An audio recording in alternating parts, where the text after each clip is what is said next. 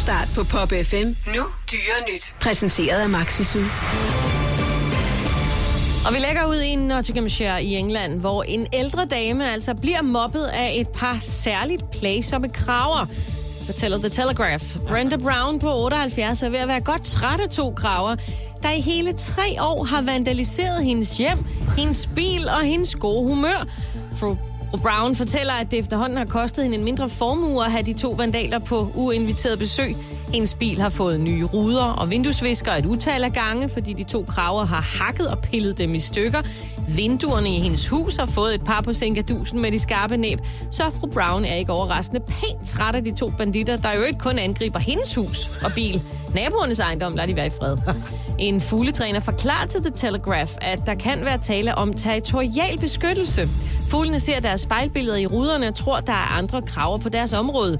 Derfor går de til angreb og hakker på spejle og ruder, indtil de fremmede fugle er væk.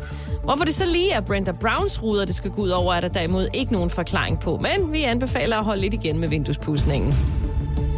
Fra sure kraver til venlige hunde. Vi skal til Canada, hvor University of British Columbia har fundet ud af, at når studerende er sammen med såkaldte terapihunde, så falder deres stresshormoner, mens deres lykkehormontal stiger. Studerende blev i forsøget tilbudt at lege, klappe og snakke med terapihundene, og blev undervejs og efterfølgende undersøgt. Forskerne opdagede, at de studerendes stressniveau var faldet med 45 procent, deres energiniveau var steget med 37 procent, og deres lykkefølelse med 27 procent. Universitetet overvejer nu at tilbyde tid med terapihunde i perioder, der er meget presset for de studerende, for eksempel omkring eksamenstid.